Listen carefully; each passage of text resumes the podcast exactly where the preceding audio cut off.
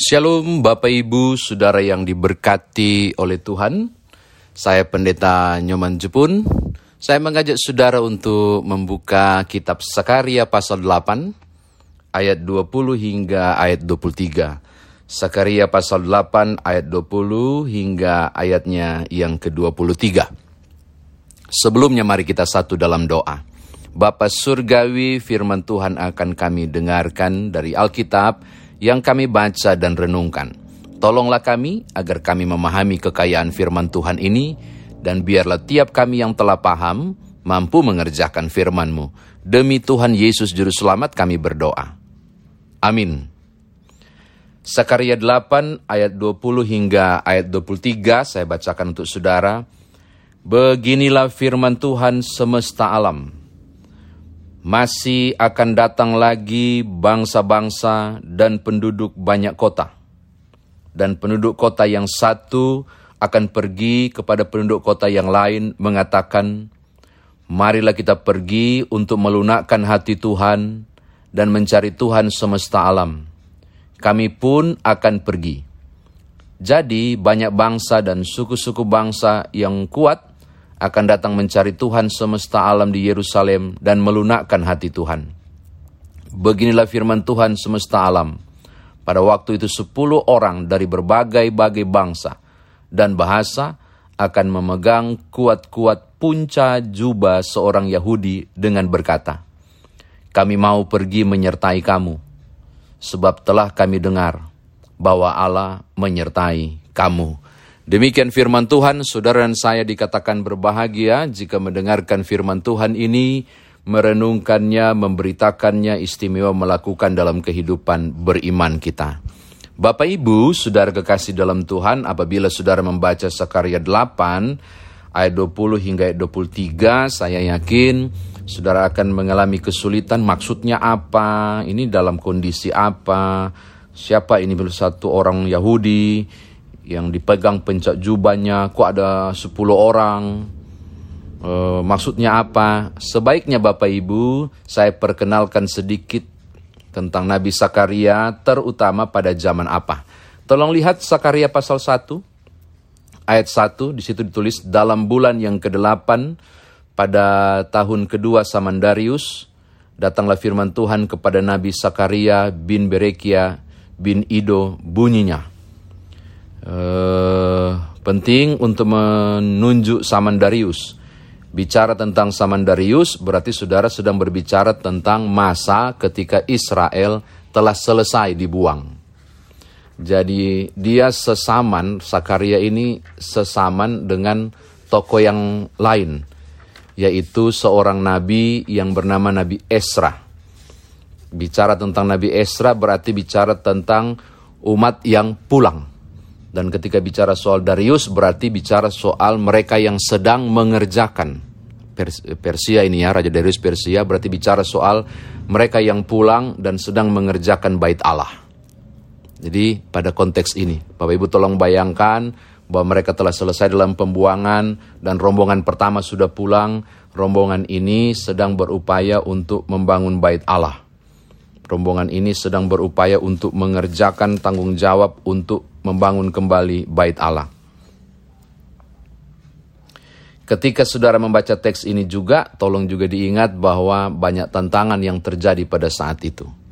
Dan tidak heran kalau kemudian sampai ada himbauan jika saudara menemukan di Sakaria juga bagaimana mereka harus dipulihkan untuk semangat lagi membangun kembali bait suci ini. Oke. Okay? Di situ. Lalu penguatan-penguatan diberikan oleh Sakaria bahkan ketika masuk ke pasal 9, wah ini sudah jadi sesuatu yang istimewa tentang Mesias yang dijanjikan. Bapak Ibu, kekasih dalam Tuhan, ketika saya menyebut latar belakang ini, maka Bapak Ibu sedang membayangkan kondisi pembangunan, bait suci itu, kondisi tentang pemulihan bangsa ini, dari masa pembuangan dan amburadulnya kondisi negeri itu pada waktu tersebut kondisi yang sangat loyo dan lain sebagainya. Sehingga kemudian dari pasal 8 ayat 1 sampai 19 Tuhan menjanjikan kekuatan dan penghiburan agar mereka semangat lagi untuk mengerjakan pembangunan ulang, janji penyertaan dan punen bagi bangsa Israel. Oke, sampai situ dulu. Jadi ketika Bapak Ibu masuk ke teks ini Bapak Ibu akan paham oh ini maksudnya. Nah, kedua mari kita lihat pasal 8 ayat 20 sampai 23. Tuhan menjanjikan juga seperti ini bahwa bukan saja mereka yang akan diselamatkan, tapi bangsa-bangsa lain pun akan diselamatkan. Bukan mereka saja yang akan dipulihkan, tapi juga bangsa-bangsa lain akan mengalami pemulihan. Bagaimana proses pemulihan itu terjadi? Di ayat 20 kalimat menarik itu masih akan datang lagi bangsa-bangsa dan penduduk banyak kota. Ini bicara soal orang-orang luar, orang-orang luar yang juga akan datang hidup bersama ke depan di Yerusalem. Bangsa-bangsa luar yang akan datang kembali untuk bergabung bersama dengan umat ini.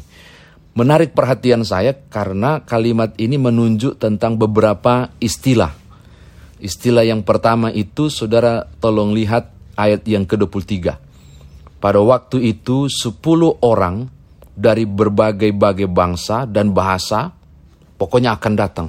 Sepuluh, sepuluh kan nggak banyak. Kok cuma sepuluh orang sih dari bangsa-bangsa Bapak Ibu? Ini sebenarnya bahasa simbolis. Kata sepuluh, kata sepuluh ini sebenarnya menunjuk tentang jumlah yang tidak sedikit. Lihat 23, sepuluh orang itu sebenarnya berarti jumlah yang cukup banyak. Kenapa saya bilang cukup banyak? Tolong lihat kejadian 31 ayat 7 Kejadian 31 ayat 7 itu Yakub bilang, saya ditipu 10 kali. Ini bahasa simbolis untuk banyak. Atau saudara bisa baca Imamat 26 ayat 26. Saya bukakan untuk saudara Imamat 26 ayat 26 itu kata 10 itu juga berarti banyak lihat ya. Aku akan memusnahkan per, persediaan makananmu. Maka 10 perempuan akan membakar roti di dalam satu pembakaran satu pembakaran ada 10 berarti banyak. Jadi ketika bicara ayat 23 akan ada 10 orang dari berbagai bangsa yang akan datang dari berbagai bahasa itu bukan nilai 10 yang saudara harus baca. Harus membacanya dengan ada begitu banyak. Perhatikan baik-baik, menarik perhatian bahwa bangsa-bangsa lain akan ikut mencari Tuhan. Bangsa-bangsa lain akan ikut mencari Allah. Mereka bukan penyembah Adonai, Yahweh Elohim, bukan. Mereka bangsa kafir. Tapi mereka akan ikut Jumlahnya berapa? 10. Bacanya banyak.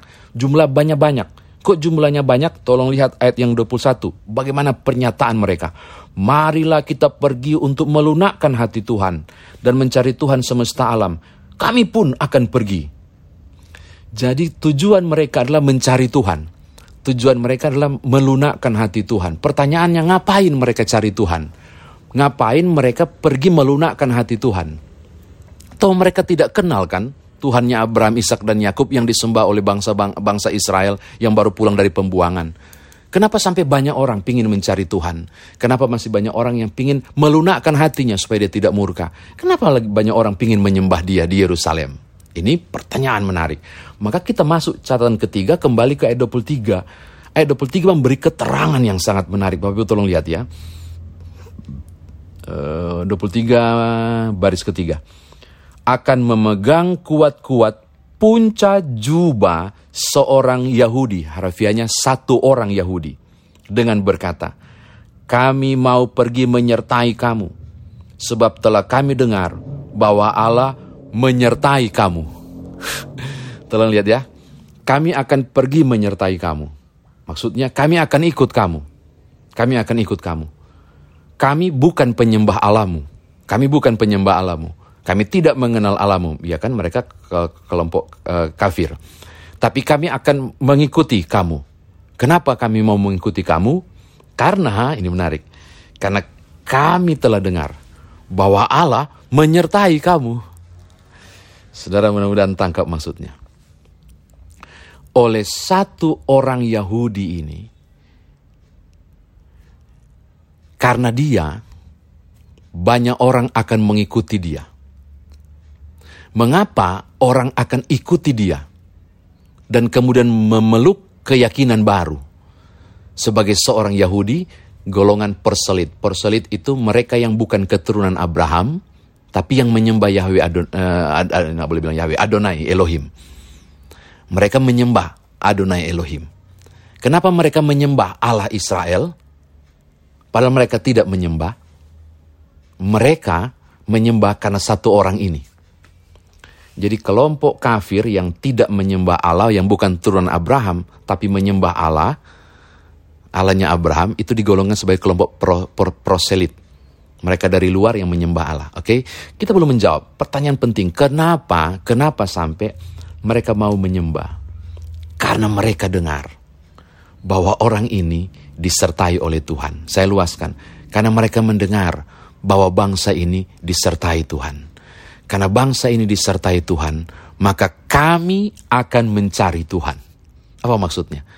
Berarti orang-orang luar ini tertarik pada keyakinan, tertarik pada cara mereka beribadah, tertarik pada cara Tuhan menyertai umat ini.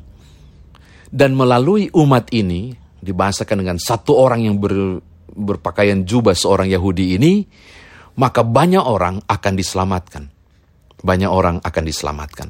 Kesaksian mereka sebagai umat pilihan Allah, ditandai dengan satu orang Yahudi ini, melalui kesaksian mereka, banyak jiwa yang akan cari Tuhan. Apa alasan jiwa-jiwa ini mencari Tuhan? Karena mereka tahu bangsa ini disertai oleh Tuhan. Oh ini menarik ya. Saya kira demikian firman Tuhan ditafsirkan bagi kita. Nah sekarang bagaimana kita bawa dalam kehidupan beriman kita. Bapak Ibu, kendati pun teks yang kita baca ini berhubungan dengan orang-orang perselit, orang-orang kafir yang kemudian tidak percaya pada Yahweh Elohim menjadi percaya dan bergabung di masa uh, sesudah pembuangan dan proses pembangunan bait Allah yang kedua dan tidak ada hubungannya dengan masa kini, tapi saya kira ini penting untuk jadi perenungan kita tentang siapakah Allah yang saudara kenal dan bagaimanakah tanggapan orang lain tentang Allah yang saudara kenal. Ini dulu kan, ini dulu Bapak Ibu. Kami akan pergi menyertai engkau karena kami dengar Allah menyertai kamu. Maka aplikasi pertama saya membuat satu pertanyaan penting. Siapakah menurut saudara Allah yang saudara tahu? Dan bagaimana orang-orang lain memahami dan menilai tentang Allah yang saudara tahu? Ini ini menarik ini. Ini penting untuk menjadi perenungan kita. Kenapa Bapak Ibu? Karena ternyata melalui satu orang Yahudi ini banyak jiwa yang pingin kenal tentang Allah itu. Berarti ini bicara soal apa?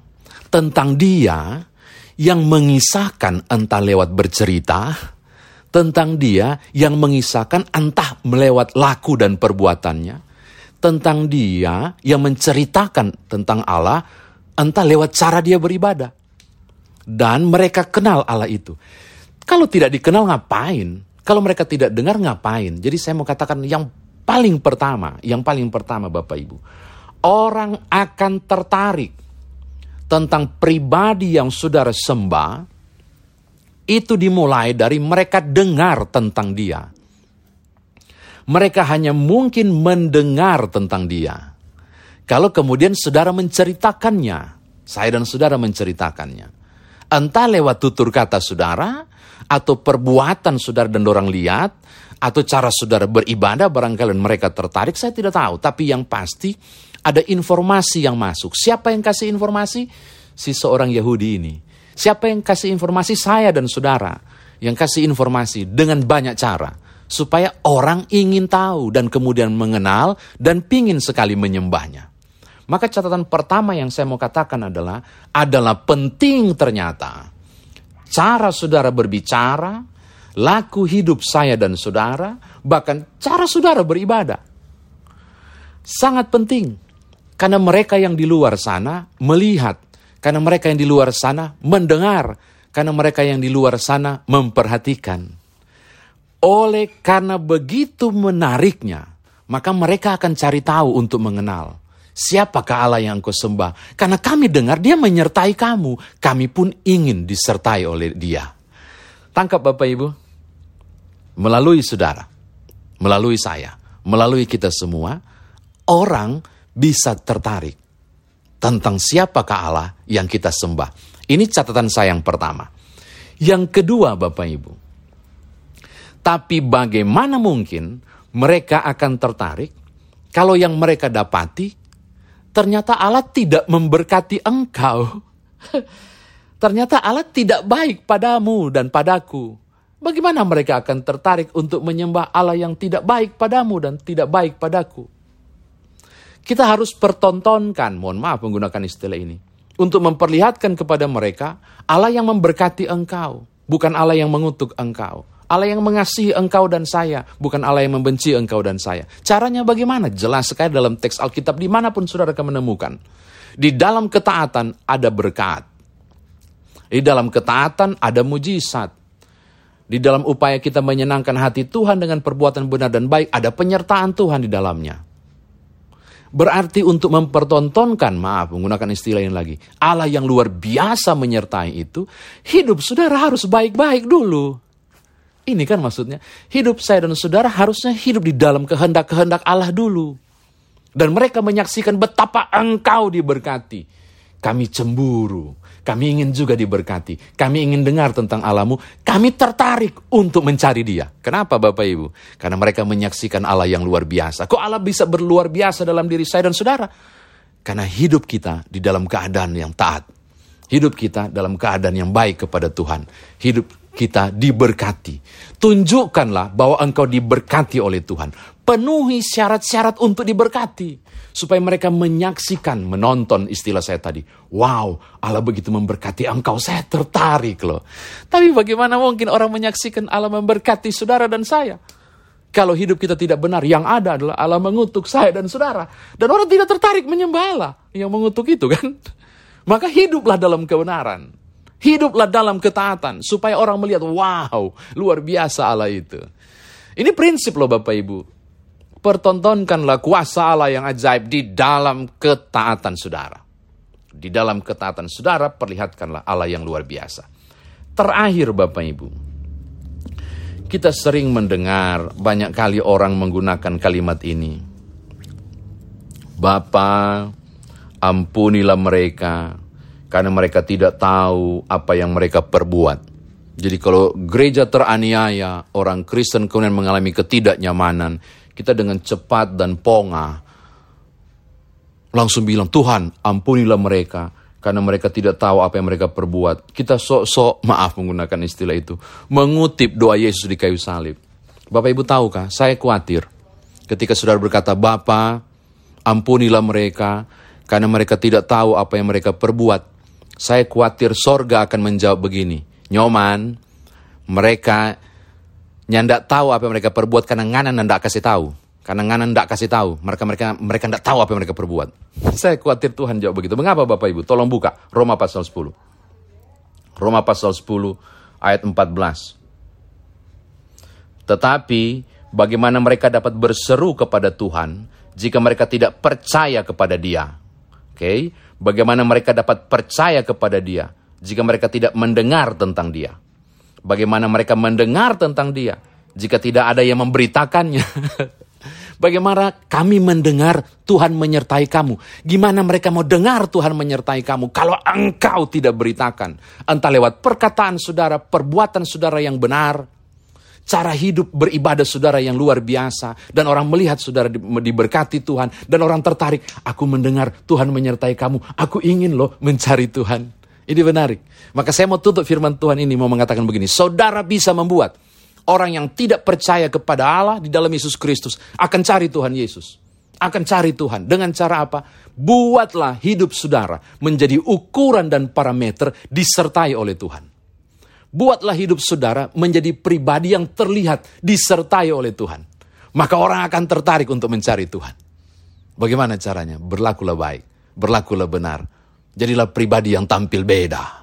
Biar Tuhan ada dalam hidup saudara. Dan orang tertarik dan berkata, saya ingin ikut engkau.